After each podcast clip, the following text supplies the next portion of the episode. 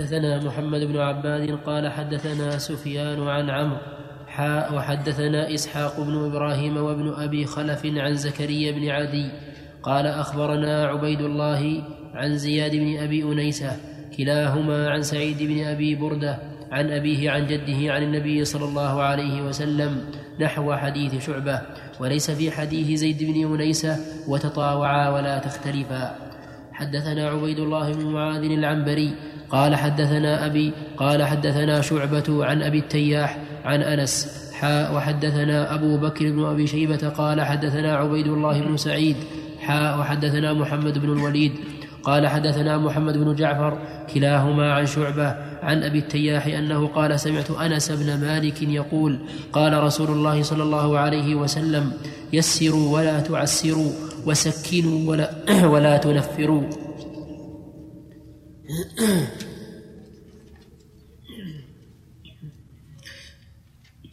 يسروا ولا تعسروا. ثاني. وسكنوا ولا تنفروا. سكنوا هذا بالتبشير. لأن النفوس إذا بشرت بالشيء الذي ترغبه سكنت. واستقرت.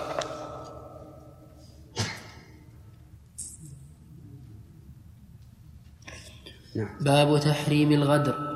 حدثنا أبو بكر بن أبي شيبة قال حدثنا محمد بن جعفر وأبو أسامة حاء وحدثني زهير وحدثني زهير بن حرب وعبيد الله بن سعيد يعني أبا قدامة السرخسي.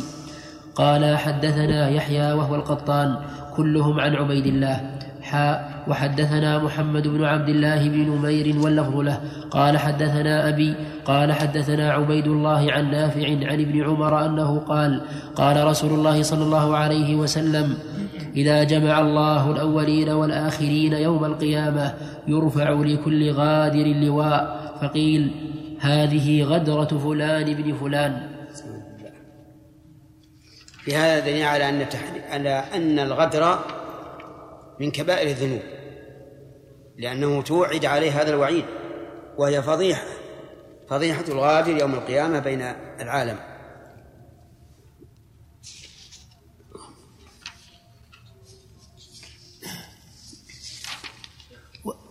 نعم ينبغي إيش؟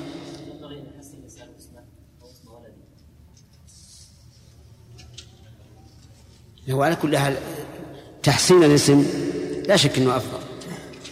وأحب الأسماء الله عبد الله وعبد الرحمن. لكن في هذا رد لقول من يقول إن الناس يدعون يوم القيامة بأمهاتهم. لأن الحديث صريح.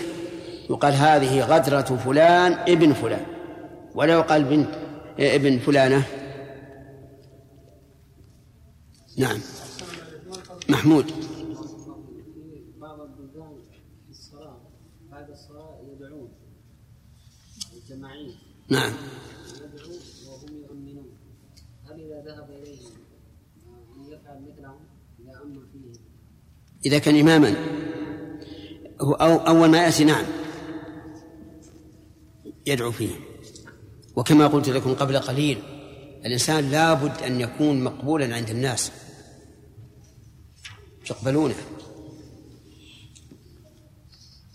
أما من أول ما يصير الإمام يقول أبدا هذا بدعة وهذا حرام ما ما ينتفع. لا هو ولا هم. نعم.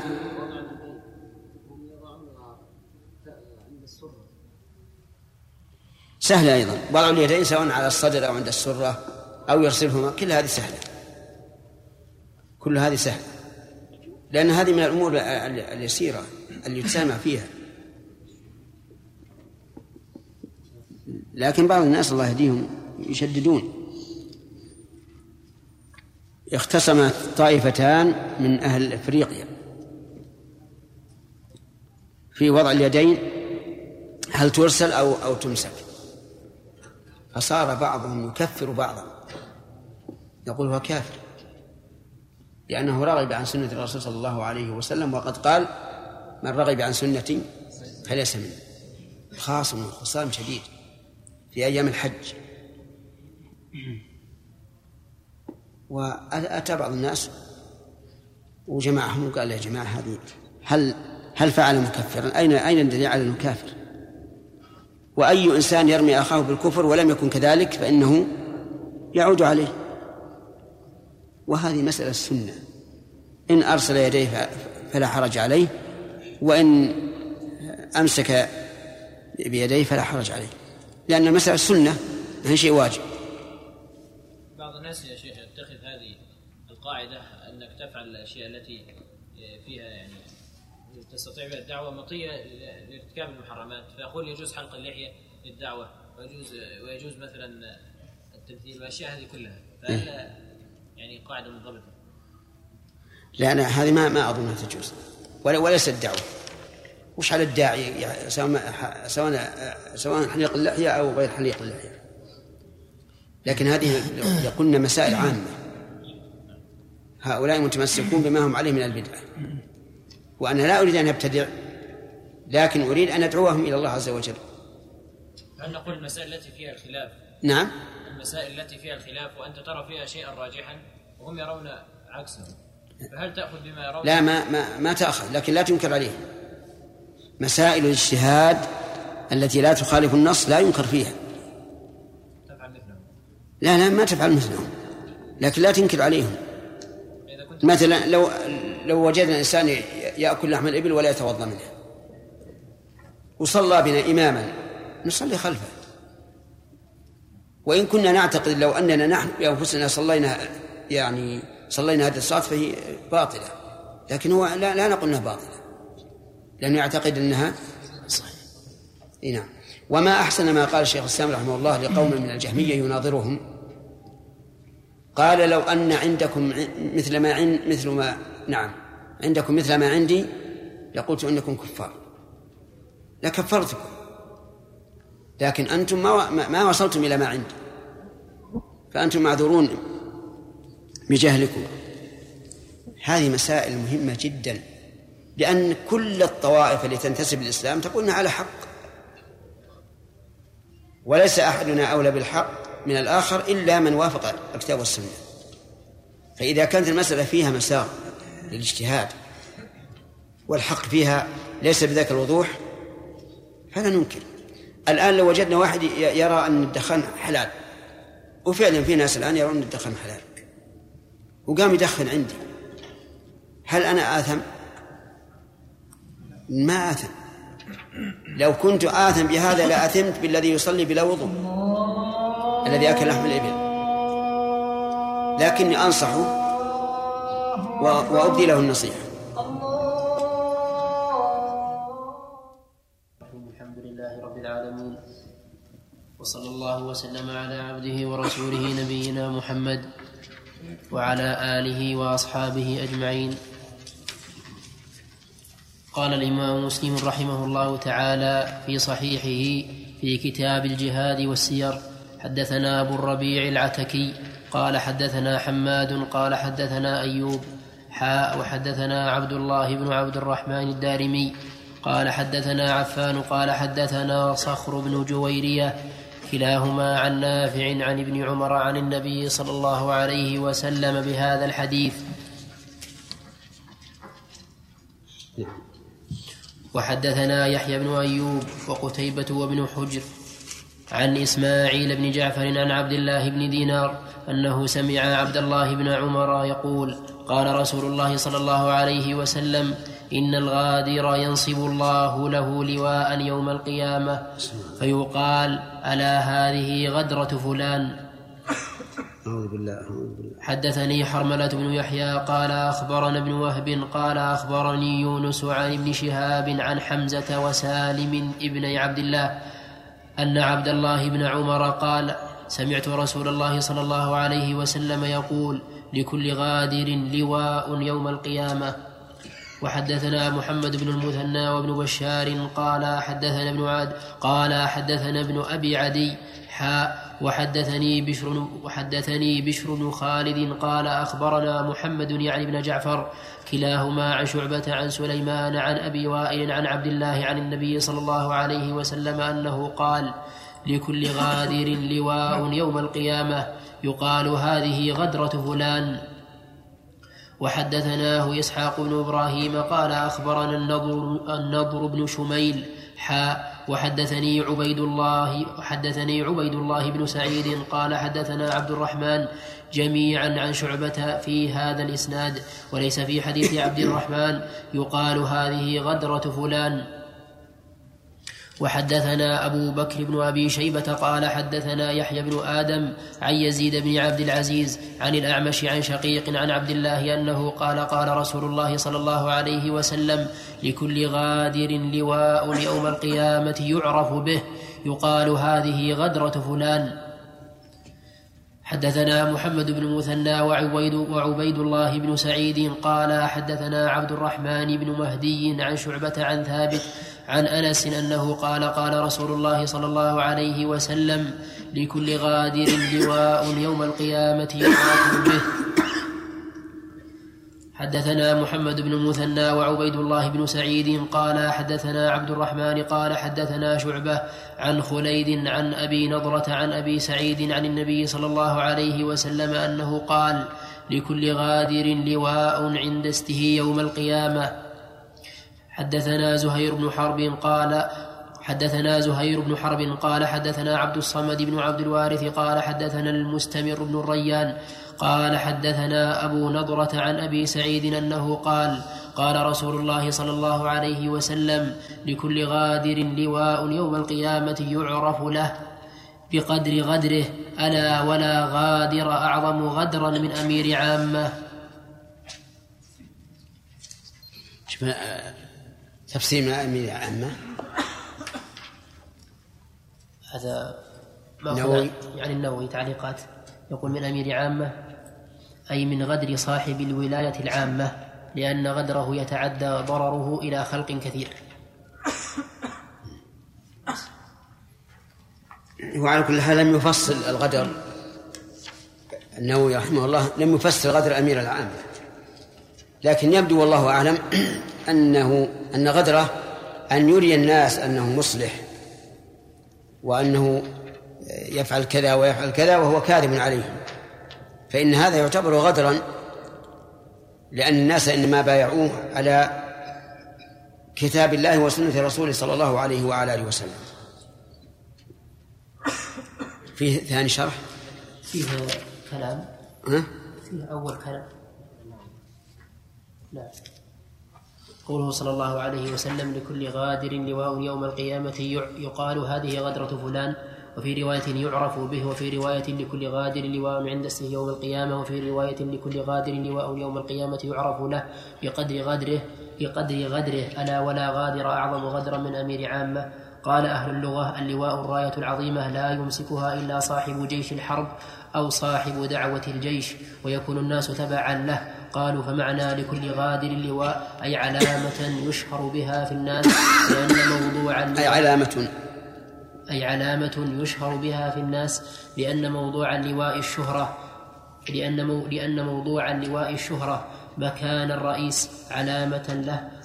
وكانت العرب تنصب الألوية في الأسواق الحفلة لغدرة الغادر لتشهيره بذلك وأما الغادر فهو الذي يواعد على أمر ولا يفي به. يقال غدر يغدر بكسر الدال في المضارع. وفي هذه الأحاديث بيان غلظ تحريم الغدر لا سيما من صاحب الولاية العامة لأن غدره يتعدى ضرره إلى خلق كثيرين. وقيل لأنه غير مضطر إلى الغدر لقدرته على الوفاء كما جاء في الحديث الصحيح في تعظيم كذب الملك. والمشهور أن هذا الحديث وارد في ذم الإمام الغادر. وذكر القاضي عياض احتمالين أحدهما هذا وهو نهي الإمام أن يغدر في عهوده لرعيته وللكفار وغيرهم أو غدره للأمانة التي قلدها التي قلدها لرعيته والتزم القيام بها والمحافظة عليها ومتى خانهم أو ترك الشفقة عليهم أو الرفق بهم فقد غدر بعهده. والاحتمال الثاني أن يكون المراد أن يكون أن يكون أن يكون المراد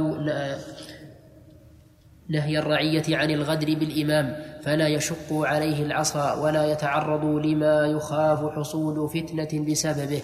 والصحيح الأول لأن هذا الأخير يحتاج إلى تقدير والتقدير من غدر أمير عامة ويكون المصدر مضافا إلى مفعوله في شيء زيادة؟ إيش؟ في الغدر من الإيمان والثاني من الرعية الظاهر الأول. الظاهر الأول. والثاني له وجه لأن غدر من العامة يترتب عليه ضرر كثير. لكن المتبادر من الحديث الأول. ما هو يا شيخ. نعم. ما هو الأول. الأول أن الإمام يغ... الأمير يغدر. فلا يقوم للرعية بحقها ويكذب عليهم فيما يقول. وما أشبه ذلك. ما يكون عام الحديث ها؟ ما ما ما يعم الحديث ل بس هو فيه يرجح هذا.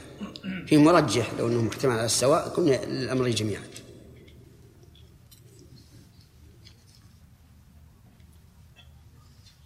باب جواز الخداع في الحرب.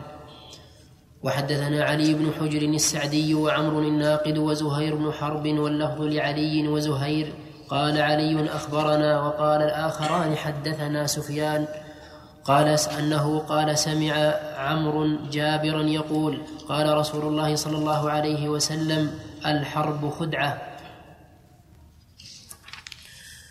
وحدثنا محمد وحدثنا محمد بن عبد الرحمن بن سهم قال أخبرنا عبد الله بن المبارك قال أخبرنا معمر عن همام بن منبه عن أبي هريرة أنه قال أنه قال قال رسول الله صلى الله عليه وسلم الحرب خدعة.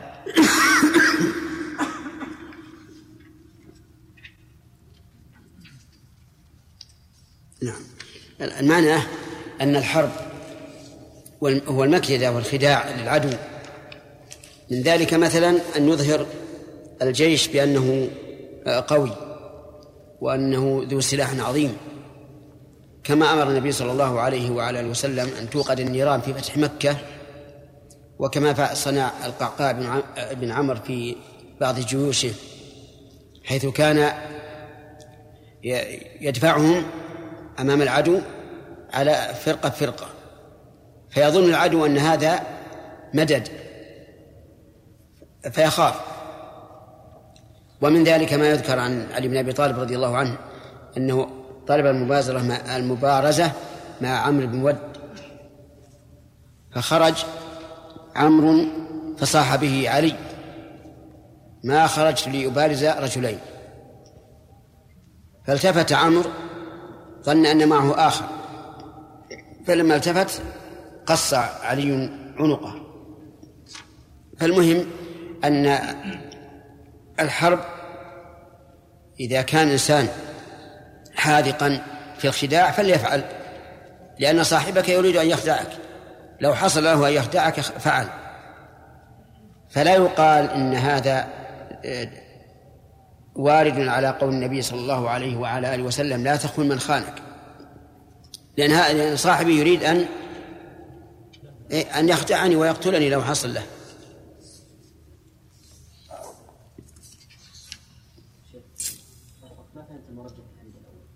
كيف؟ أي مرجح؟ إي نعم. إي لأن الأصل إنه مضاف إلى الفاعل. من أمير ولا غدر أعظم من امير من أمير عامه نعم. باب نعم. كيف؟ خلاف الوعود بين الناس. هل يدخل في الغضب؟ إي نعم. معلوم لأن اللي عاهدك وثق منك. وفي الحديث إذا عاهد آية المنافق ثلاث إذا عاهد غدر عام.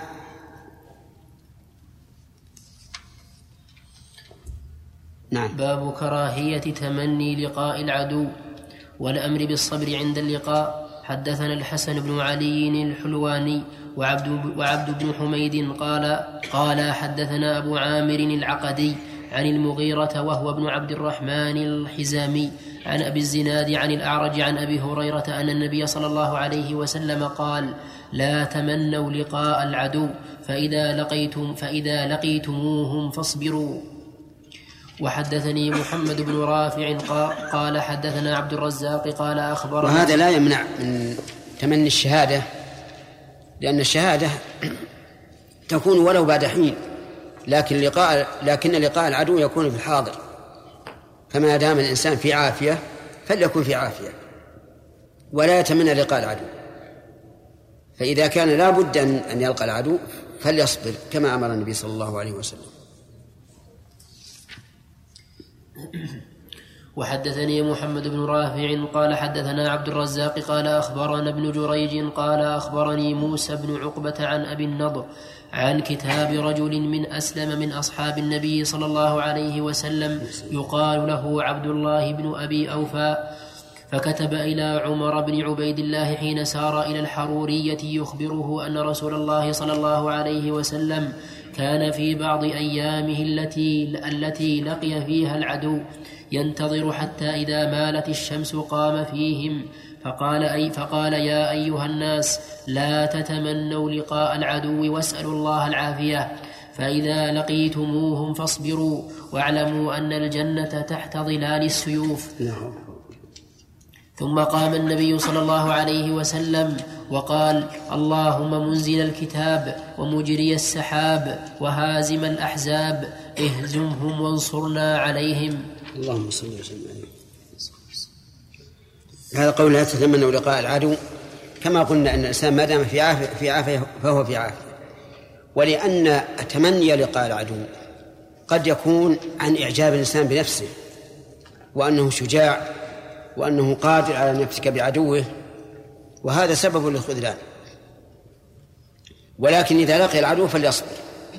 وفي هذا أيضا في في الآية دليل على أنه لا ينبغي في الحرب أن يتجه الناس إلى العدو في حال استقبال الحرب لأن ذلك قد يحدث مشقة. لكن بعد الزوال إذا هبت الرياح هذا أحسن ما يكون للهجوم. ولكن هذا يختلف باختلاف الأحوال واختلاف الأزمان واختلاف الأسلحة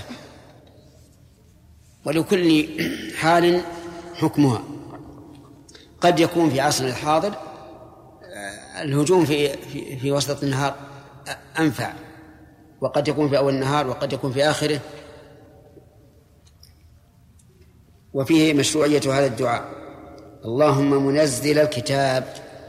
بدأ بدأ بالتوسل إلى الله عز وجل بتنزيل الكتاب لأنه لأن الأصل في الجهاد هو إعزاز الدين الذي جاء به هذا الكتاب العظيم. ومجري السحاب لأن الكتاب فيه حياة القلوب والسحاب فيها حياة الأرض والنبات وهازم الأحزاب توسل إلى الله عز وجل بكونه هازما للأحزاب لأن المقام يقتضي ذلك. وبدأ صلى الله عليه وعلى آله وسلم بهزيمتهم قبل النصر لأنه لا يكون النصر إلا بعد بعد الهزيمة. فيهزم الأحزاب أولا ويكون النصر للمسلمين ثانيا.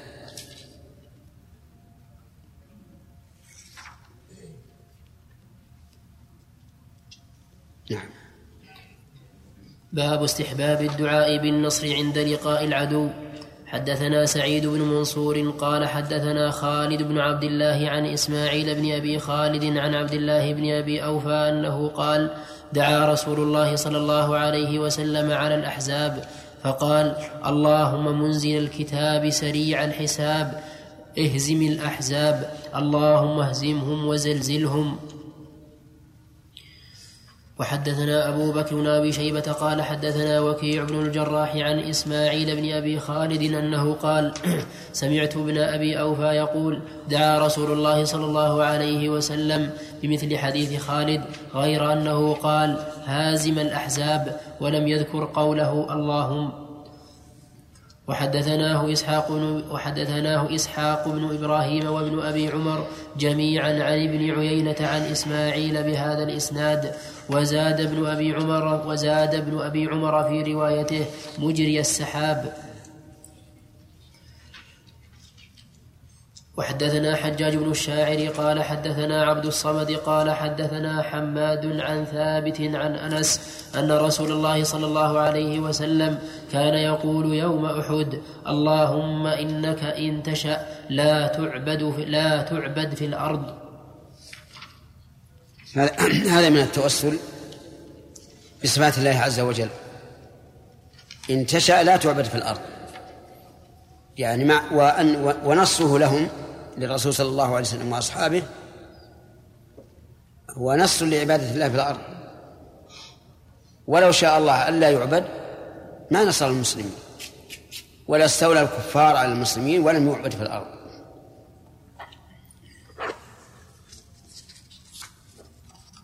نعم. باب تحريم قتل النساء والصبيان في الحرب. حدثنا يحيى بن يحيى ومحمد بن رمح قال أخبرنا الليث حاء وحدثنا قتيبة بن سعيد قال حدثنا ليث عن نافع عن عبد الله أن امرأة وجدت في بعض مغازي رسول الله صلى الله عليه وسلم مقتولة فأنكر رسول الله صلى الله عليه وسلم قتل النساء والصبيان.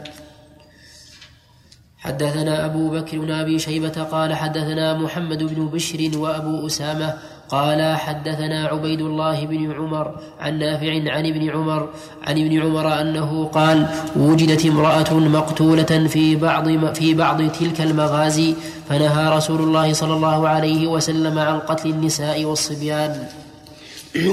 وذلك لوجهين الوجه الأول أن النساء لسن من أهل الحرب والصبيان كذلك. الوجه الثاني أن النساء والصبيان يكونون أسرى للمسلمين فهم مال ينتفع به المسلمون أو ينتفع به بيت المال. فلذلك نهى النبي صلى الله عليه وعلى آله وسلم عن قتل النساء والصبيان في الحرب. وإنما يقتل من يقاتل. نعم.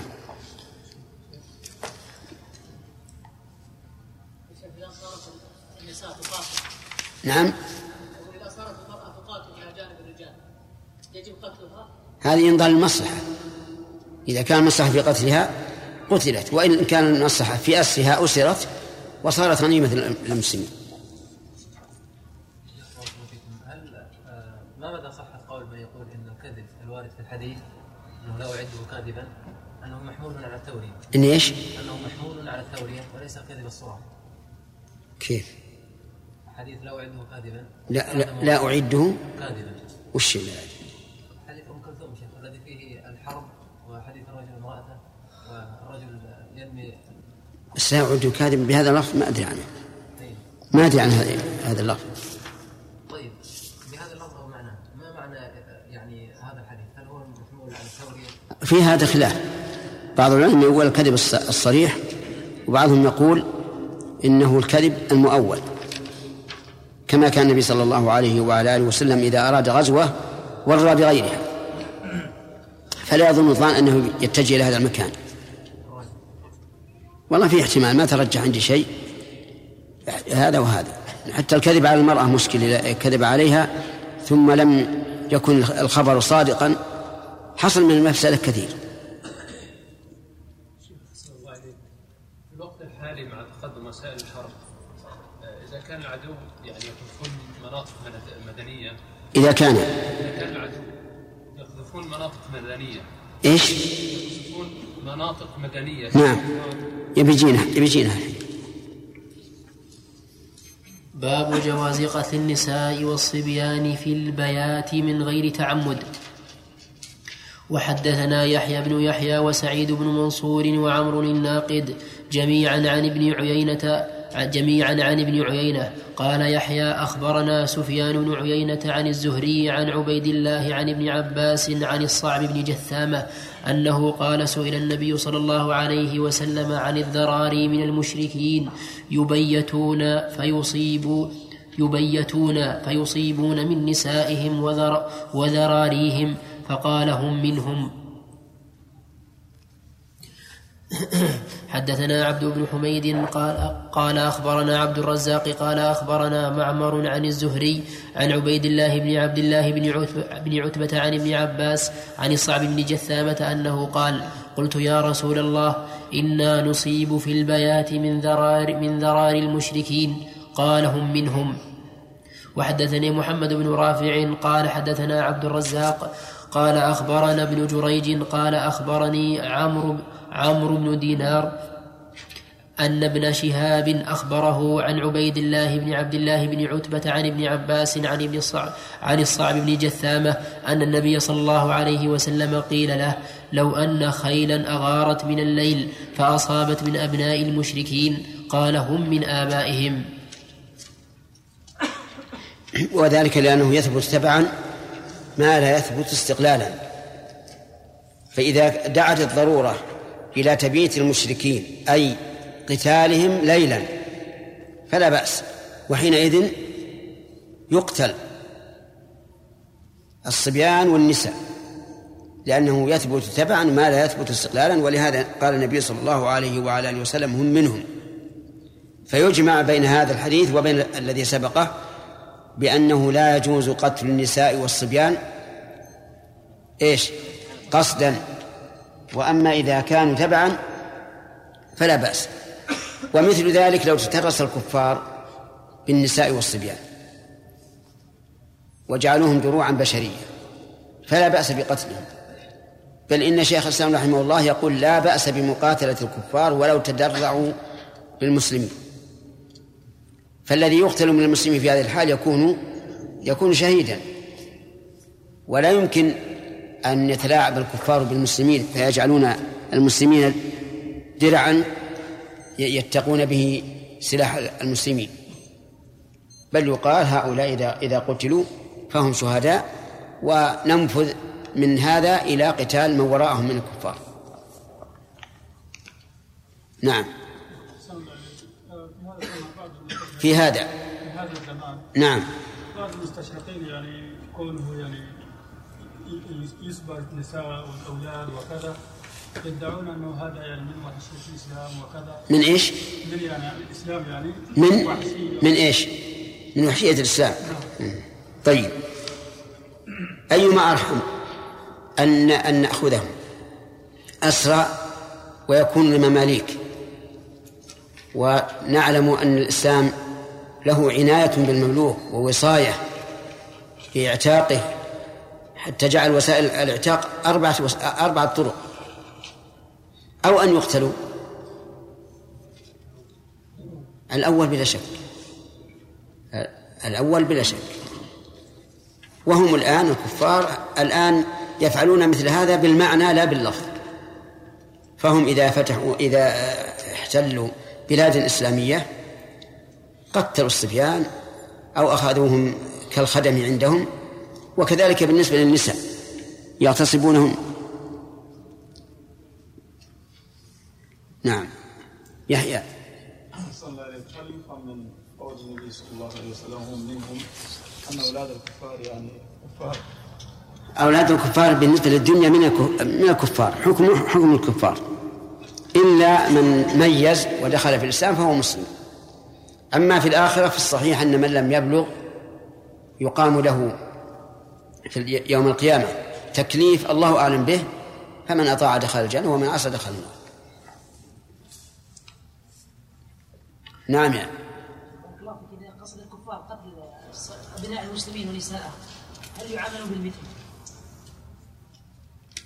هذا ينظر المصلحة لأن نحن قلنا فيما سبق أن هناك مراعاة لجانب المصلحة للمسلمين بتملك هؤلاء. فينظر للمصلحة إذا كان في هذا إغاظة للمشركين وسبب لذلهم فلا بأس وإلا فلا وهو حرام. باب جواز قطع أشياء الكفار وتحريقها. حدثنا يحيى بن يحيى ومحمد بن رمح قال أخبرنا الليث حاء وحدثنا قتيبة بن سعيد قال حدثنا ليث عن نافع عن عبد الله أن رسول الله صلى الله عليه وسلم حرق نخل بني النضير وقطع وقطع وهي البويرة. البويرة اسم مكان مكان فيها نخيل. تسمى البويرة مثل ما نسمي الأحياء. حي فلان حارة فلانية كذا. زاد قتيبة وابن رمح في حديثهما فأنزل الله عز وجل ما قطعتم من لينة أو تركتموها قائمة على أصولها فبإذن الله وليخزي الفاسقين. حدثنا سعيد بن منصور وهناد بن السري وهناد بن السري قال حد قال حدثنا ابن المبارك عن موسى بن عقبة عن نافع عن ابن عمر أن رسول الله صلى الله عليه وسلم قطع نخل بني النضير وحرق ولها يق وحرق ولها يقول حسان وهان على وهان على سرات بني لؤي حريق بالبويرة مستطير وفي ذلك نزلت ما قطعتم من لينة أو تركتموها قائمة على أصولها الآية. وحدثنا سهل بن عثمان قال أخبرني عقبة بن خالد السكوني عن عبيد الله عن نافع عن عبد الله بن عمر أنه قال حرق رسول الله صلى الله عليه وسلم نخل, نخل بني النضير. في هذه في هذه الأحاديث دليل على جواز قطع النخيل نخيل العدو. سواء كان ذلك لإغاظتهم أو كان ذلك للوصول إليهم. لأنه أحيانا تكون النخيل كترس للعدو. يتترسون بالنخيل وحتى لا يصلهم القتال. فإذا دعت الحاجة إلى قطع النخل أو إحراقه كان ذلك واجبا كان ذلك جائزا بل واجبا. وفي هذا الحديث من الفوائد أنه إذا احترق بالنار شيء من الحيوان على سبيل التبع بلا قصد فلا بأس. لأن هذه النخيل لابد أن يكون فيها شيء من الحشرات أو الطيور أو ما أشبه ذلك. وستموت. وبناء على ذلك نقول ما يفعله بعض المزارعين الآن أنهم إذا حصدوا الزروع أحرقوا الأرض مع أنه يكون فيها الخشاش والدواب وما أشبه ذلك فإن هذا جائز. لأن هذه الحيوانات أو الحشرات أو الخشاش لم تقتل قصدا وإنما لم تحرق قصدا وإنما حرقت تبعا.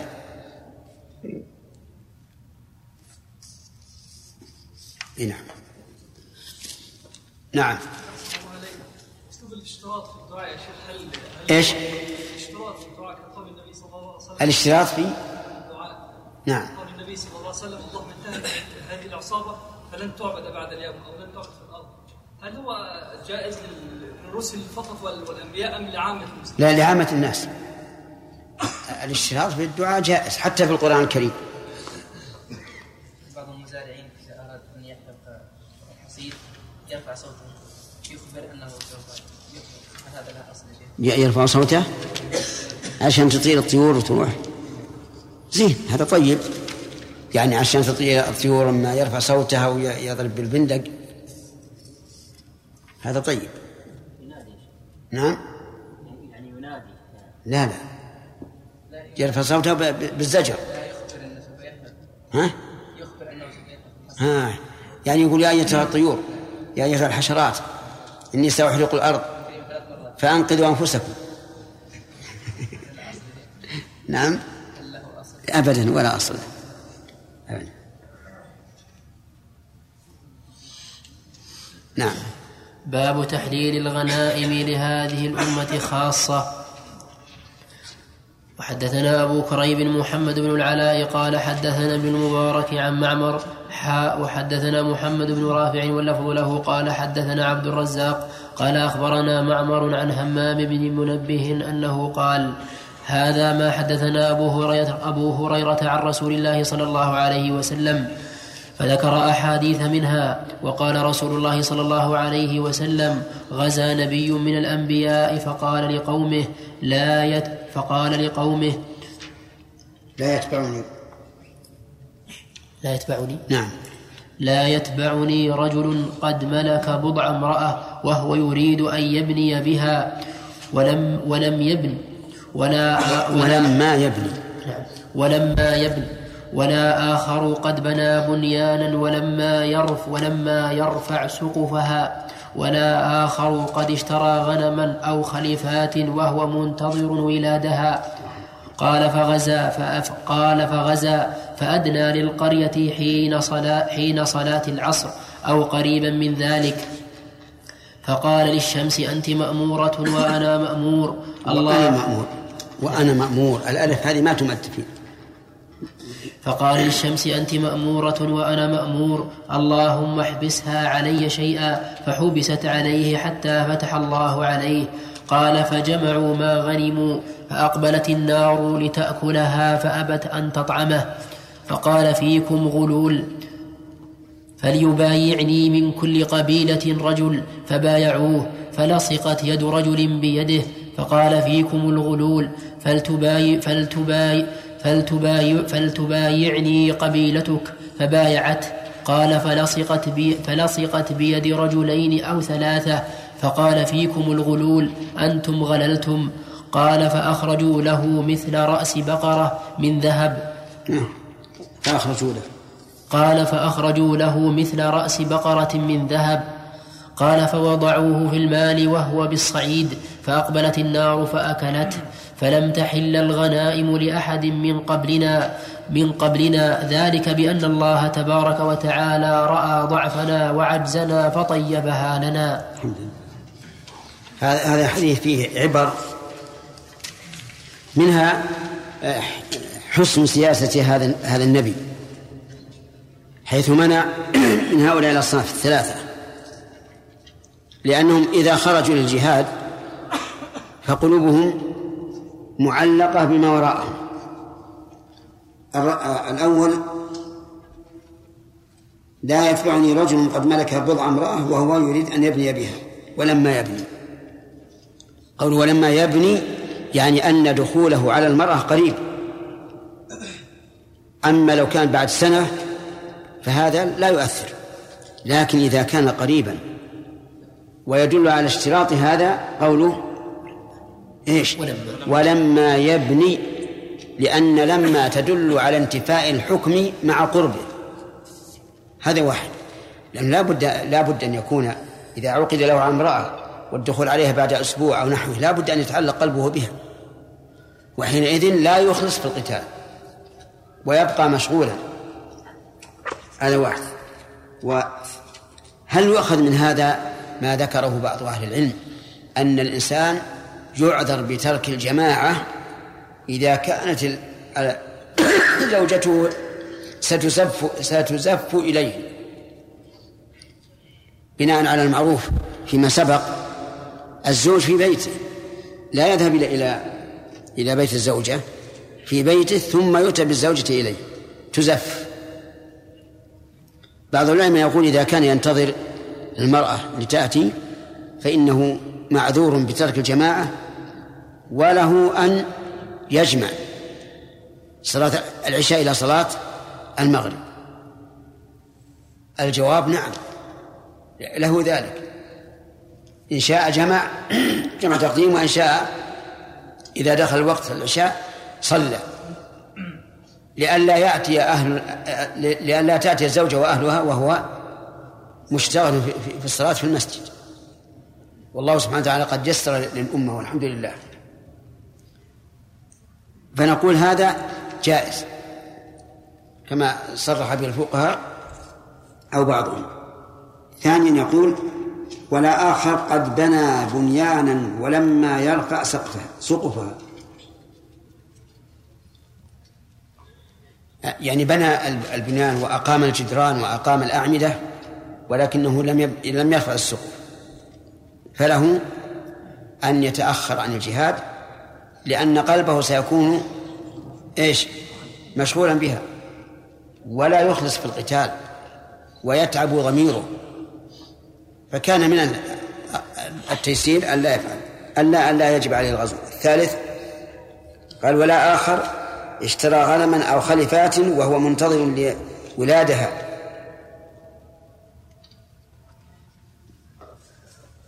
وهذه أيضا مثلها.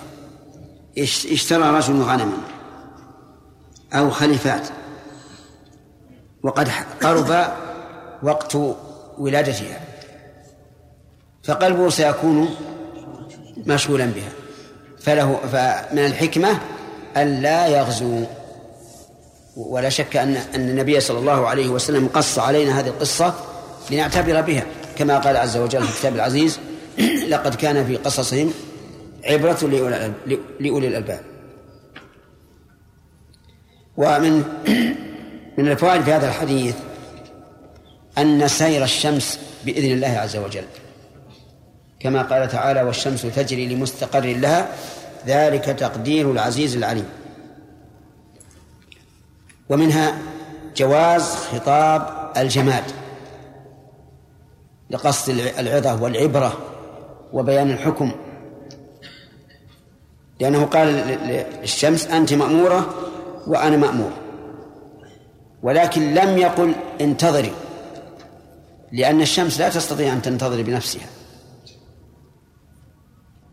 ولكنه سأل الله عز وجل أن يحبس آه، الشمس فحبست آه، نعم. وش بعدها فحبس عليه السلام ولا إليه وحبس عليه حتى فتح الله عليه. وفيه رد لقول من يقول إن إن الشمس لا تدور على الأرض. لا تدور على الأرض. وهي صريحة في أنها تدور النصوص ظاهرة جدا في أنها أي الشمس تدور على الأرض. ففي القرآن الكريم قال الله تبارك وتعالى وترى الشمس إذا طلعت تزاور عن كهفهم ذات اليمين وإذا غربت تقرضهم ذات الشمال وهم في فجوة منه.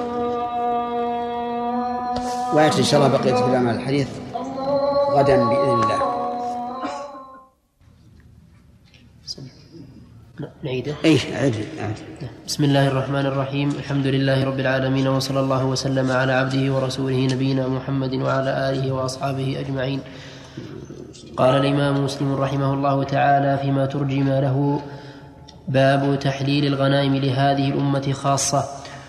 وحدثنا أبو كريب محمد بن العلاء قال, حد قال حدثنا ابن المبارك عن معمر حاء وحدثنا محمد بن رافع واللفظ له قال حدثنا عبد الرزاق قال أخبرنا معمر عن همام بن منبه أنه قال هذا ما حدثنا أبو هريرة عن رسول الله صلى الله عليه وسلم فذكر أحاديث منها وقال رسول الله صلى الله عليه وسلم غزا نبي من الأنبياء فقال لقومه لا فقال لقومه لا يتبعني رجل قد ملك بضع امرأة وهو يريد أن يبني بها ولما يبن ولا آخر قد بنى بنيانا ولما يرفع سقفها ولا آخر قد اشترى غنما أو خلفات وهو منتظر ولادها.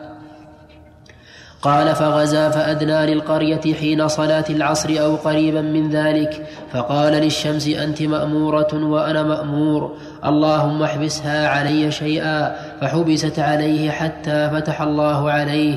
قال فجمعوا ما غنموا فأقبلت النار لتأكله فأبت أن تطعمه. فقال فيكم غلول فليبايع فليبايعني من كل قبيلة رجل فبايعوه فلصقت يد رجل بيده. فقال فيكم الغلول فلتبايعني قبيلتك. فبايعته قال فلصقت بيد رجلين أو ثلاثة. فقال فيكم الغلول أنتم غللتم. قال فأخرجوا له مثل رأس بقرة من ذهب. قال فوضعوه في المال وهو بالصعيد. فأقبلت النار فأكلته فلم تحل الغنائم لأحد من قبلنا. ذلك بأن الله تبارك وتعالى رأى ضعفنا وعجزنا فطيبها لنا. بسم الله الرحمن الرحيم. هذا الحديث سبق الكلام على بعض الجمل التي فيه وانتهينا إلى إلى قول النبي للشمس أنت مأمورة وأنا مأمور. وسؤاله ربه عز وجل أن يحبسها شيئا ما. فأجاب الله دعاءه وحبسها وقلنا في هذا دليل على أن الشمس هي التي تدور على الأرض. وهذا هو ظاهر القرآن. واستشهدنا بآيات. منها قوله تعالى وترى الشمس إذا طلعت تزاور عن كهفهم ذات اليمين وإذا غربت تقرضهم ذات الشمال. فإضافة الفعل إليها الأصل أنه واقع منها وأنها هي التي طلعت وهي التي غربت وهي التي تزاور وهي التي تقرض. ولا يمكن أن نخرج عن هذا الظاهر الذي خاطبنا الله به لقول من من قال من الفلكيين. إنها ثابتة وأن اختلاف الليل والنهار بسبب دوران الأرض. وكذلك قال قال الله تعالى في قصة سليمان إني أحببت حب الخير عن ذكر ربي حتى توارت بالحجاب يعني الشمس. وكذلك قول ذي القرنين آه، نعم في قصة ذي القرنين حتى إذا بلغ مطلع الشمس وجدها إيش؟ تطلع على قوم لم نجعلها من دونها سترا. وكذلك قول حتى إذا بلغ, بلغ مغرب الشمس وجدها تغرب في عين حمئة وكذلك حديث أبي ذر أن النبي صلى الله عليه وسلم حين غابت الشمس قال له أتدري أين تذهب؟ قال الله ورسوله أعلم ثم بين له ذلك. هذه النصوص لا يمكن أن ندعها لأقوام قوم لأقوال قوم إنما يحدثون ويظنون بدون قطع. حتى لو فرض أن نصدق أن الأرض تدور فإنه لازم من ذلك أن لا يكون اختلاف الليل والنهار بسبب الشمس لأنها دوران الشمس غير دوران الأرض. دوران الشمس معاكس ودوران الأرض إلى إلى الشرق. ومعلوم أنه أن الشمس بعيدة جدا فلا يظهر للناس يعني سرعة دورانه فالواجب على كل مسلم أن يعتمد ظاهر القرآن والسنة ولا يلتفت إلى من سواهم إلا إذا ثبت إلا إذا ثبت ثبوتا قطعيا مثل مثل الشمس فحينئذ يمكن أن نتأول. فنقول إذا طلعت في في رأي العين وإذا غربت في في رأي العين وهكذا إذا ذهبت. لكن ما دام لم نجد دليلا حسيا يلزم أن نأخذ به فإن الأصل البقاء على ظاهر الكتاب والسنة. وفي أيضا في هذا الحديث دليل على أن الأفلاك تتغير بأمر الله عز وجل. فدوران الشمس وقف أو توقف بدعاء هذا النبي. وكذلك انشقاق القمر في عهد النبي صلى الله عليه وسلم. لا شك أنه تغير جرم سماوي. وقول الفلكيين إن الأفلاك والأجرام الفلكية لا تتغير غير صحيح. لأنه إذا كان الذي غيره الله فهو الذي خلقها ابتداء. وفيه أيضا أن القتال في النهار أحسن من القتال في الليل. ولهذا سأل هذا النبي أن الله يحبس الشمس حتى يقاتل. وفيه أيضا أن الأمم السابقة لا تحل لها الغنائم. فما هي الغنائم؟ التي تؤخذ من الكفار بقتال وما ألحق به. هذه الغنيمة. في الأمم السابقة لا تحل الغنائم وإنما تجمع فتنزل عليها نار من السماء فتحرقها. في هذه القصة أن النار لما نزلت أبت أن تحرقها لأن أحد المقاتلين غل من الغنيمة فالغنيمة إذا لم تكمل. وإذا لم تكمل فإن النار لا تحرقها. ولكن هذه هذه الآية التي آه، اتخذها هذا النبي من العجائب حيث ألهمه الله عز وجل هذا هذه هذا الطريق. أنه طلب من كل قبيلة عريف عريفا يأتي ويسلم على النبي فمن لصقت يده بيد النبي فالغنيمة عند فالغلول عند قومه. حتى لصقت يد آه، أحد ال- العرفاء فقال فيكم الغلول ثم جاء بالقبيلة فلصقت أيدي ثلاثة منهم بيد النبي. وإذا هم قد غلوا ذهبا كرأس الثور. إما أن يكون المراد كرأس الثور أي صورة أو المراد مثل رأس الثور جرما بقطع النظر عن كونه مصورا أو غير مصور.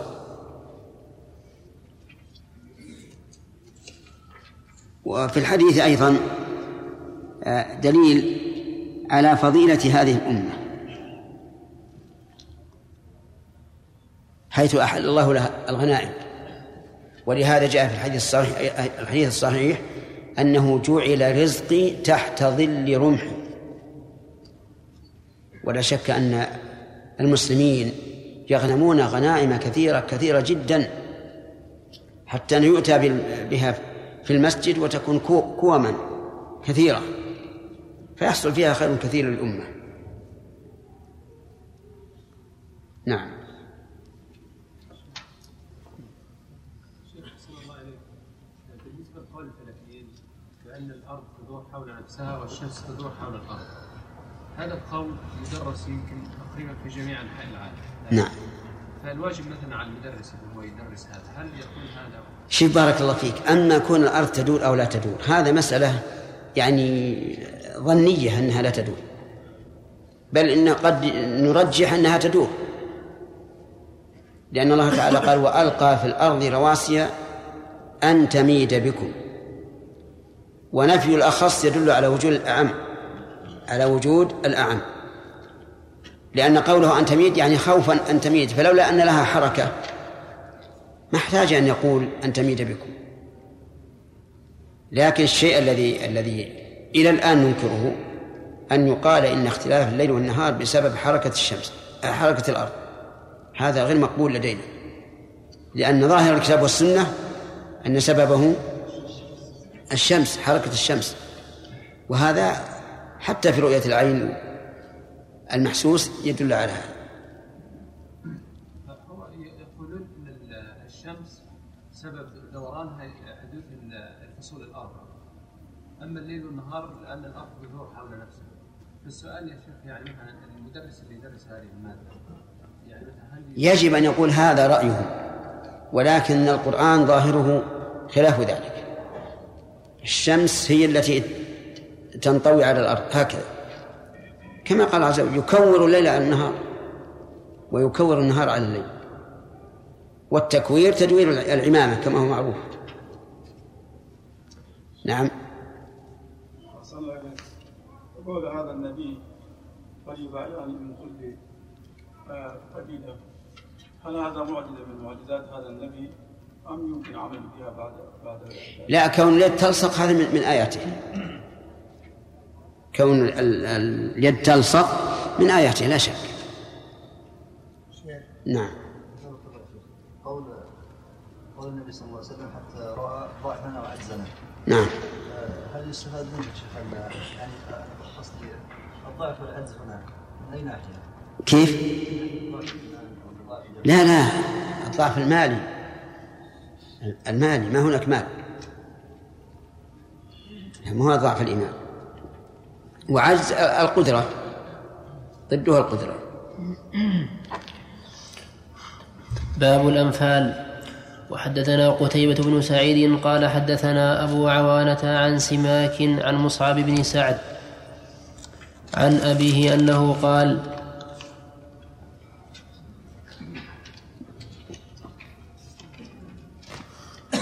عن مصعب بن سعد عن أبيه أنه أنه قال أخذ أبي من الخمس سيفا فأتى به النبي صلى الله عليه وسلم فقال فقال هب لي هذا فأبى فأنزل الله عز وجل يسألونك عن الأنفال قل الأنفال لله والرسول.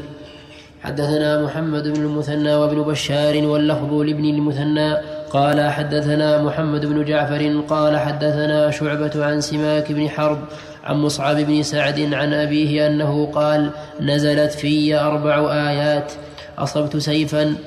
فأتى به النبي صلى الله عليه وسلم فقال يا رسول الله نفلنيه فقال ضعه ثم قام. فقال فقال له النبي صلى الله عليه وسلم ضعه من حيث أخذته. ثم قام فقال نفلنيه يا رسول الله. فقال ضعه فقام. فقال يا رسول الله نفلنيه. أأجعل كمن لا غناء له؟ فقال له النبي صلى الله عليه وسلم ضعه من حيث أخذته. قال فنزلت هذه الآية يسألونك عن الأنفال قل الأنفال لله والرسول. الأنفال هي ما يؤخذ من الغنائم جعلها الله عز وجل جعل الأنفال لله والرسول يعني حكمها إلى الله والرسول. وكان النبي صلى الله عليه وعلى آله وسلم من قبل مخيرا بين أن يقسمها بين الغانمين أو يقسمها حيث يرى حتى أنزل الله تبارك وتعالى التفصيل في ذلك في قوله واعلموا أن ما غنمتم من شيء فأن لله خمسه وللرسول ولذي القربى أن من أخذ شيئا لا يحل له أخذه من مكان فإنه يجب رده إليه. إلى ذلك المكان. لقول لقول النبي صلى الله عليه وسلم ضعه من حيث أخذته. ولا يكفي أن يعطيه أن يعطيه ولي الأمر أو يعطيه صاحبه مثلا بل مؤونة رده إلى مكانه عليه. وفيه دليل أيضا على جواز مراجعة النبي صلى الله عليه وعلى آله وسلم في الأمور التي يحتاجها الإنسان. لأن الرسول صلى الله عليه وسلم كرر عليه قوله ضعه. وهذا من جنس مراجعة الصحابة رضي الله عنهم النبي صلى الله عليه وعلى آله وسلم في حجة الوداع لما أمرهم أمر من لم يسق الهدي أن يجعلها عمرة. راجعوه. حتى قالوا يا رسول الله قد سمينا الحج كيف نجعل عمرة؟ حتى قال بعضهم يا رسول الله أنخرج إلى منى وذكر أحدنا يقطر منيا يعني نجامع نساءنا بين العمرة والحج ونخرج هكذا إلى هذا الحد من شدة مراجعتهم. فلا حرج على الإنسان أن يراجع في في أمر له فيه حاجة. ومن فوائد هذا الحديث أن أن مسائل الأحكام يجوز أن يقرن فيها اسم النبي صلى الله عليه وسلم مع اسم الله بالواو. لقوله تعالى قل الأنفال لله والرسول. ولقول الله تبارك وتعالى ولو أنهم رضوا ما آتاهم الله ورسوله. أما مسائل القدر فلا إذا أضيف اسم الرسول إلى الله فلا بد من ثم. لأنه لا أحد يستطيع أن يتصرف في الكون مع الله عز وجل. أما الأحكام الشرعية فإنها ترجع إلى الله وإلى الرسول. ولهذا كان حكم الرسول كحكم الله.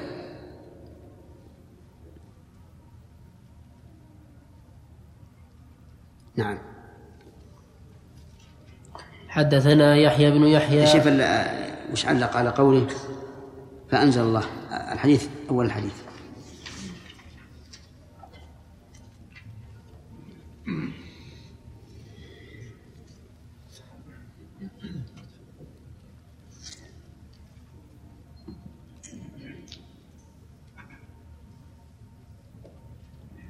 نعم. قوله عن مصعب بن سعد عن أبيه قال أخذ أبي من الخمس سيفا, سيفا فأتى به النبي صلى الله عليه وسلم فقال هب لي هذا فأبى. قال فأنزل الله تعالى يسألونك عن الأنفال قل الأنفال لله والرسول. فقوله عن أبيه قال أخذ أبي هو من تلوين الخطاب وتقديره عن مصعب بن سعد أنه حدث عن أبيه بحديث قال فيه قال أبي أخذت قال قال أبي أخذت نعم حكم الغنائم من الخمس أخذت حكم الغنائم من الخمس سيفا إلى آخره. قال الظاهر زين. الظاهر الحكم زائدة. أخذت من الغنائم سيفا. لعلها قال القاضي يحتمل أن يكون هذا الحديث قبل نزول الآية وإباحتها. قال وهذا هو الصواب وعليه يدل الحديث. وقد روي في تمامه ما بينه من كلام النبي صلى الله عليه وسلم لسعد بعد نزول الآية خذ سيفك إنك سألتنيه وليس, وليس لي ولا لك وقد جعله الله لي وجعلته لك. قال واختلفوا في هذه الآية. فقيل هي منسوخة بقوله تعالى واعلموا أن ما غنمتم من شيء فأن لله خمسه وللرسول وأن مقتضى آية الأنفال. والمراد بها أن الغنائم كانت للنبي صلى الله عليه وسلم خاصة خاصة وأن, وأن مقتضى؟ وأن مقتضى آية الأنفال والمرا وأن مقتضى آية الأنفال والمراد بها أن الغنائم كانت للنبي صلى الله عليه وسلم خاصة كلها ثم جعل الله أربعة أخماسها للغانمين في الآية الأخرى. وهذا قول ابن عباس وجماعة وقيل هي محكمة وأن التمثيل من. وأن التمثيل وأن التمثيل من الخمس. وقيل هي محكمة وللإمام أن ينفل من الغنائم ما شاء لمن شاء بحسب ما يراه. وقيل محكمة مخصوصة والمراد أنفال السرايا. قوله عن سعد قال نزلت في الذي يظهر والله أعلم أنها كانت بالأول إلى إلى الله والرسول. يفعل فيها الرسول مع عليه الصلاة والسلام ما شاء ثم بعد ذلك نزل التفصيل. وهذا هو مقتضى الترتيب ترتيب السورة. لأن قوله قل الأنفال قل الأنفال لله والرسول في أول السورة. واعلموا أنا ما غنمتم من شيء في أثناء السورة.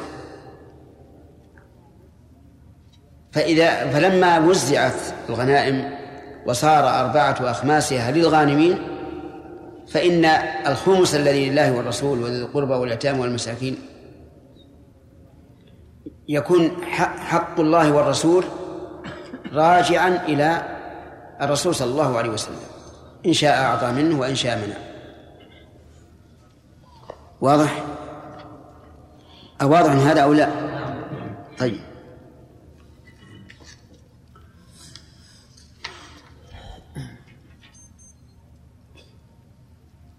نعم.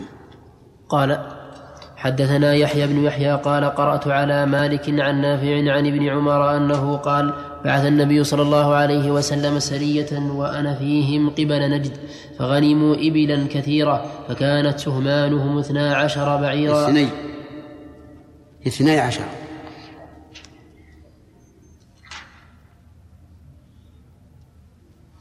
فكانت سهمانهم اثني عشر بعيرا أو أحد عشر بعيرا ونفلوا بعيرا بعيرا. وحدثنا قتيبة بن سعيد قال حدثنا ليث حاء وحدثنا محمد بن رمح قال أخبرنا الليث عن نافع عن ابن عمر أن رسول الله صلى الله عليه وسلم بعث سرية قبل نجد وفيهم ابن عمر وأن سهمانهم بلغت اثني عشر بعيرا ونفلوا سوى ذلك بعيرا فلم يغيره رسول الله صلى الله عليه وسلم. وحدثنا أبو بكر بن أبي شيبة قال حدثنا علي بن مسهر وعبد الرحيم بن ابن سليمان عن عبيد الله بن عمر عن نافع عن ابن عمر أنه قال بعث رسول الله صلى الله عليه وسلم سرية سرية إلى نجد فخرجت فيها فأصبنا إبلا وغنما فبلغت سهماننا اثني عشر بعيرا اثني عشر بعيرا ونفلنا رسول الله صلى الله عليه وسلم بعيرا بعيرا. وحدثنا زهير بن حرب ومحمد بن المثنى قال حدثنا يحيى وهو القطان عن عبيد الله بهذا الإسناد.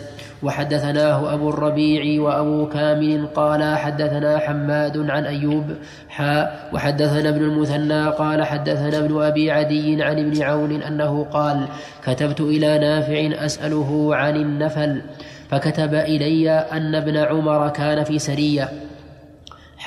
وحدثنا ابن رافع قال حدثنا عبد الرزاق قال أخبرنا ابن جريج قال أخبرني موسى حاء وحدثنا هارون, هارون بن سعيد الأيلي قال حدثنا ابن وهب قال أخبرني أسامة بن زيد كلهم عن نافع بهذا الإسناد نحو حديثهم.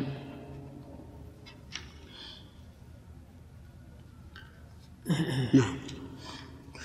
وحدثنا وحدثنا سريج بن يونس وعمر الناقد واللفظ لسريج قال حدثنا عبد الله بن رجاء عن يونس عن الزهري عن سالم عن أبيه أنه قال نفلنا رسول الله صلى الله عليه وسلم نفلا سوى نصيبنا من الخمس فأصابني شارف والشارف المسن الكبير.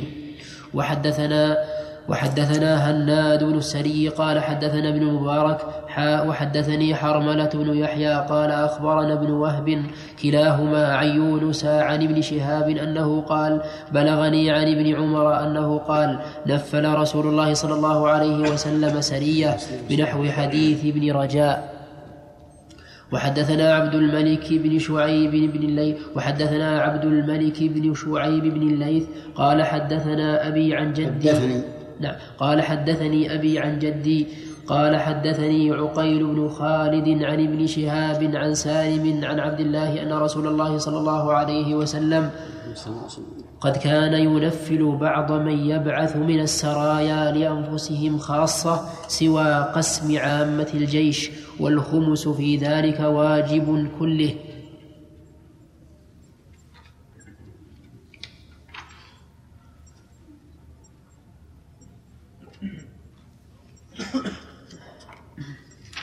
ولكن يجب أن يكون هذا التنفيل التنفيل ليس من أجل المحاباة قريب أو غني أو ما أشبه ذلك بل يكون سببه الغناء يعني المنفعة التي تحصل من هذا المقاتل الذي نفل.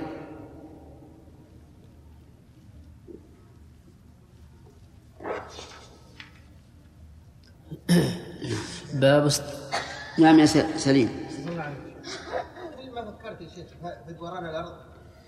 فكري ما يوافق إلى الحين تفكر بها يا سليم. لأن لأن يا شيخ ان أن دلالة القران ودلاله السنة والناس عندهم عرف من اول من كافرهم ومسلمهم إن فيه غرب وشرق. والشرق ما يكون الا الا مس- أهل الغرب معروف وهذا الشرق معروف. الثانية يا شيخ ما ما عمرنا جهة الشمال راحت على جهة الجنوب ولا جهة الشمال على جهة الجنوب الثانية يا شيخ الثالثة الثالثة. الث- الثالثة يا شيخ ان ان ان ظل الشاخص يصير على دواء على جهتين جهة جهة على مثل ظل المسجد الحين الصباح على على المدرسة والعصر على الجنة لا يمكن يتغير يتغير. صحيح. لو إن الشمس لو إن الأرض تدور كان يمكن المسجد المسجد راح يظل بعض الأحيان. وأربعة أخماس للغانمين تقسم بينهم حسب ما ما جاء في السنة خمس الخمس ما هو خمس الخمس الفي الذي يكون لله والرسول. لأن الذي لله والرسول هو الفي نعم.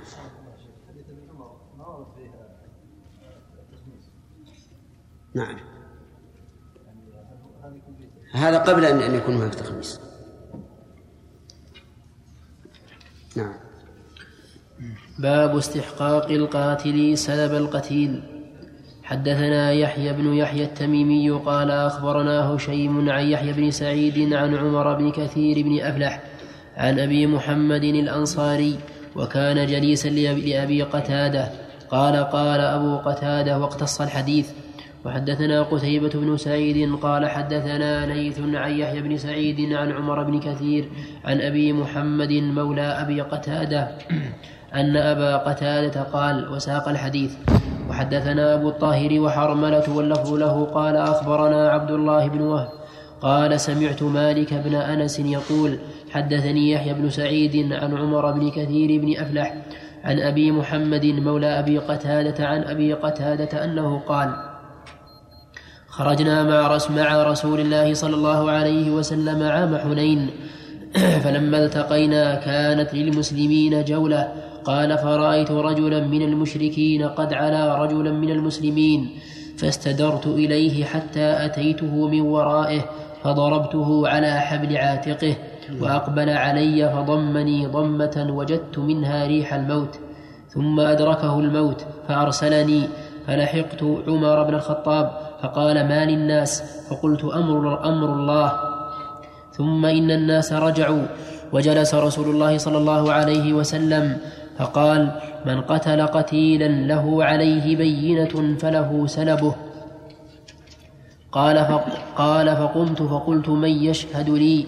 ثم جلست ثم قال مثل ذلك ثم جلست ثم قال مثل ذلك فقال فقمت فقلت من يشهد لي؟ ثم جلست ثم قال ذلك الثالثة. فقمت فقال رسول الله صلى الله عليه وسلم ما لك يا أبا قتادة؟ فقصصت عليه القصة. فقال رجل من القوم صدق صدق يا رسول الله سلب ذلك القتيل عندي. فأرضه من حقه. وقال أبو بكر الصديق لا الله إذا لا يعمد إلى أسد من أسد, من أسد الله يقاتل عن الله وعن رسوله فيعطيك سلبه فقال رسول الله صلى الله عليه وسلم صدق فأعطه إياه فأعطاني.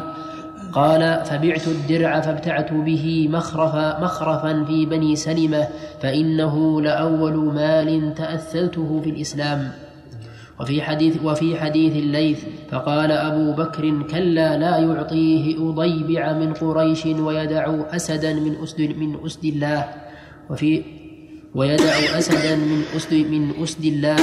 وفي حديث الليث لأول مال تأثلته.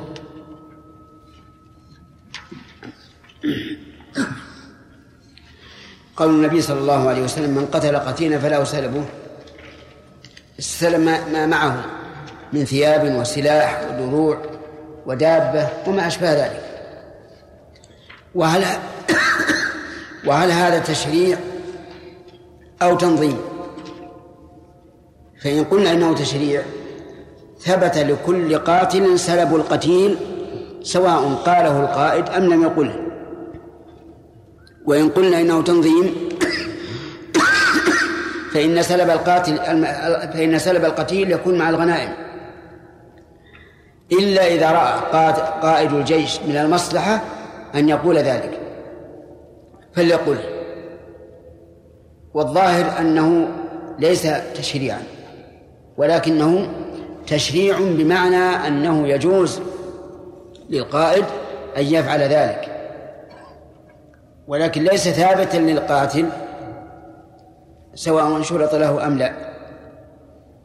وفيه دليل على استعمال على استعمال بذل المال في في التنشيط على الخير. لأن هذا لا شك أنه ينشط المجاهد. إذا كان يؤمن السلف فيؤخذ منه أن ما يبذل للأئمة والمؤذنين والمعلمين والدارسين من بيت المال جائز ولا شبهة فيه. خلافا لمن يتورعون ورعا مظلما ويقولون إنه ليس بجائز لأنه أخذ مال في مقابلة عوض ديني. فيقال هذا من باب التشجيع. وفي هذا استعمال ابي بكر الله الله دليل على أن من حروف القسم هاء لكنها قليلة الاستعمال. وهل تستعمل كما وردت أي مسبوقة بلا المؤكدة أو أنها يجوز أن تعمل أن تستعمل حتى في غير هذا. يحتمل يحتمل الأمرين عندي والله أعلم. في في حديث يقول لا يعطيه وصيبغا من قريش. شو معناها؟ عندنا بالضاد. ها؟ عندنا بالضاد. ها؟ عندنا أضيبع. ها؟ عندنا أضيبع. وفي بالباء فيها روايات. يعني على كل حال انظر وش معناها بس؟ قوله أضيبع. قال القاضي اختلف رواة كتاب مسلم في هذا الحرف على وجهين. أحدهما رواية السمرقندي أصيبع بالصاد المهملة والغين المعجمة. والثاني رواية سائر الرواة أضيبع بالضاد المعجمة والعين المهملة.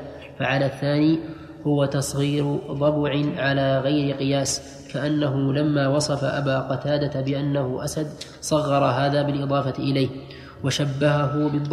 وشبهه بالضبيع لضعف افتراسها وما توصف به من العجز والحمق. الحمق. نعم.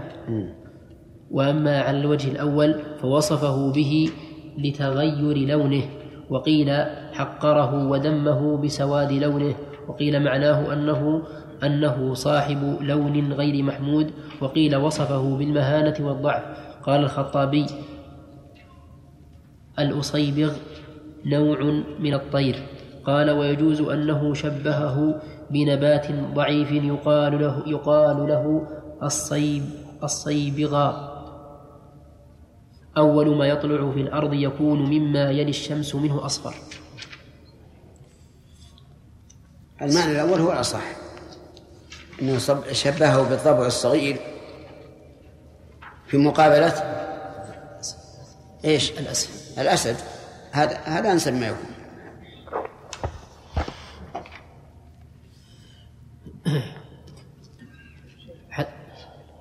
نعم.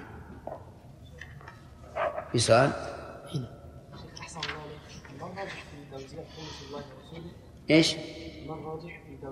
خمس الله ورسوله بعد وفاة الرسول صلى الله عليه وسلم؟ بعد إيش؟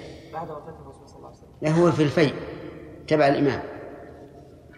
يعني يتصرف فيه الإمام في مصالح المسلمين.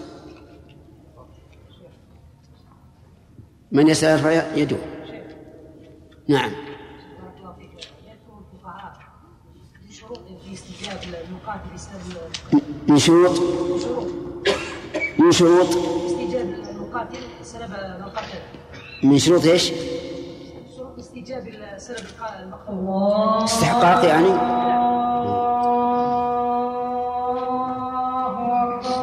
الله أكبر.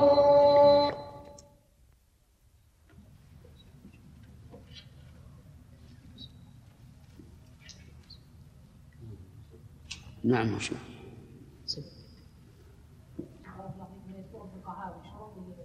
استحقاق القاتل هل هو صحيح؟ ما هو؟ يقولون مثلا يقتله وهو مدبر غير منهزم وأن يخاطر المقاتل بنفسه. لا مو بشرط. الصواب أن التغرير بنفسه مو بشرط. الأول يا شيخ نعم. منهزم. الحديث ظاهره العموم وإذا قلنا أنه من باب التنظيم فلا بأس أن يزيد ال- ال- القائد أو الإمام شروطا حسب ما يرى المصلحة فيها. قال مسلم رحمه زوجه؟ الله تعالى. قال الإمام مسلم رحمه الله في صحيحه في كتاب الجهاد والسير. حدثنا يحيى بن يحيى التميمي قال أخبرنا يوسف يوسف بن الماجشون عن صالح بن إبراهيم بن عبد الرحمن بن عوف. عن أبيه عبد الرحمن بن عوف أنه قال عن أبيه عن عبد الرحمن. عن أبيه عن عبد الرحمن بن عوف أنه قال أنه قال بين بين أنا أجلد. حطه علز ما في فائدة. لا ما أجلد الآن. في ما في تشويش. نعم. أنه قال بين أنا واقف في الصف يوم بدر. نظر نظرت عن يميني وشمالي فإذا أنا بين فإذا أنا بين غلامين من الأنصار حديثة أسنانهما تمنيت لو كنت بين أضلع منهما. فغمزني أحدهما فقال يا عم هل تعرف أبا جهل؟ قال قلت نعم. وما حاجتك إليه يا ابن أخي؟ قال أخبرت أنه يسب أنه يسب رسول الله صلى الله عليه وسلم والذي نفسي بيده. لئن رأيته لا يفارق سوادي سواده حتى يموت الأعجل منا. الله أكبر الله أكبر. قال فتعجبت لذلك فغمزني الآخر فقال مثلها قال فلم أنشب أن نظرت إلى أبي جهل يزول في الناس فقلت ألا تريان هذا صاحبكم الذي تسألان عنه؟ قال فابتدراه فضرباه بسيفيهما حتى قتلاه. ثم انصرفا إلى رسول الله صلى الله عليه وسلم فأخبراه فقال أيكما قتله؟ فقال كل واحد منهما أنا قتلت. فقال هل مسحتما سيفيكما؟ قالا لا. فنظر في السيفين فقال فنظر في السيفين فقال كلاكما قتله وقضى بسلبه لمعاذ بن عمرو بن الجموح والرجلان معاذ بن عمرو بن معاذ بن عمرو بن الجموح ومعاذ بن عفراء. هذا الحديث فيه فوائد. منها آه، بيان شجاعة هذين الغلامين. والتعبير بالغلامين يدل على أنهما صغار. لكن لا بد أن يكون قد بلغ لأنه لا لا يمكن أن يدخل في القتال إلا البالغ. ومنها أن الإنسان قد يحتقر الشيء ولكنه يكون على خلاف ظنه. وعلى هذا فلا فلا تحكم على الشيء حتى يتبين لك الأمر. ولا تحقرن أحدا حتى يتبين لك أمره. كم من مسألة يعرفها الأستاذ الذي في بدرجة الأستاذ من تلميذ في المتوسط. ومنها بلاغة هذين الغلامين. فانظر كيف أقسم أنه لا يفارق سواده سواده حتى يموت الأعجل الأعجل منه. يعني حتى أقتله أو يقتلني ومنها من من الفوائد بيان غيرة هذين الغلامين. لأن الذي حملهما على قتله أنه كان يسب النبي صلى الله عليه وعلى آله وسلم. وسب الرسول صلى الله عليه وسلم لا شك أنه ردة مخرج عن الإسلام. واختلف أهل العلم هل تقبل توبة من سب الرسول صلى الله عليه وعلى آله وسلم أو لا تقبل؟ وسب الله أعظم بلا شك. فمن العلماء من قال إن من سب الله أو رسوله لم تقبل توبته ولو حسنت حاله بل يجب قتله مرتدا. فلا يغسل ولا يصلى عليه ولا يدفن مع المسلمين. ومنهم من قال بل تقبل توبته بكل حال. لعموم قول الله تبارك وتعالى في الآيات الكثيرة أن كل من تاب تاب الله عليه. ومنهم من قال أما التوبة فتقبل. وأما القتل فإن كان سب الله سقط قتله لأنه تاب إلى الله وقد أخبر الله عز وجل أنه يتوب على من تاب. وأما من سب الرسول صلى الله عليه وعلى آله وسلم فإنه يقتل. ولكنه يقتل مسلما بعد أن يتوب. وهذا القول هو الراجح. ووجه رجحانه أن القاعدة العامة أن كل من تاب من ذنب تاب الله عليه. قل يا عبادي الذين أسرفوا لا قل يا عبادي الذين أسرفوا على أنفسهم لا تقنطوا من رحمة الله. إن الله يغفر الذنوب جميعا. وقال تعالى والذين لا يدعون مع الله إلها آخر ولا يقتلون النفس التي حرم الله إلا بالحق ولا يزنون. ومن يفعل ذلك يلقى أثاما يضاعف له العذاب يوم القيامة ويخلد فيه مهانا إلا من تاب. ولأن المشركين كانوا يسبون النبي صلى الله يسبون الله ورسوله وقبل الله توبتهم. فإذا تاب صار معصوم الدم. ففي حق الله يرفع عنه القتل. لكن في حق الرسول صلى الله عليه وسلم قتله أعني هذا الذي سب الرسول صلى الله عليه وسلم لحق الرسول. ولا نعلم أهو تاب الرسول صلى الله عليه وسلم يعفو عنه أو لا؟ لأن النبي صلى الله عليه وسلم قد مات. فنحن نأخذ بالثأر لرسول الله صلى الله عليه وعلى آله وسلم. ولشيخ الإسلام رحمه الله كتاب مجلد ضخم اسمها الصارم المسلول في تحتم قتل ساب الرسول. ومن ومن فوائد هذا الحديث العمل بالقرينة. وجه ذلك أن النبي صلى الله عليه وعلى آله وسلم طلب أن يحضر سيفيهما. من أجل أن ينظر الدم هل هو في سيف واحد منهما أو في سيفيهما جميعا. فقال كلاكما قتله وقتل بسلبه بسلبه لمعاذ بن عمرو بن الجلو بن الجموح. يحتاج أن ننظر للشرح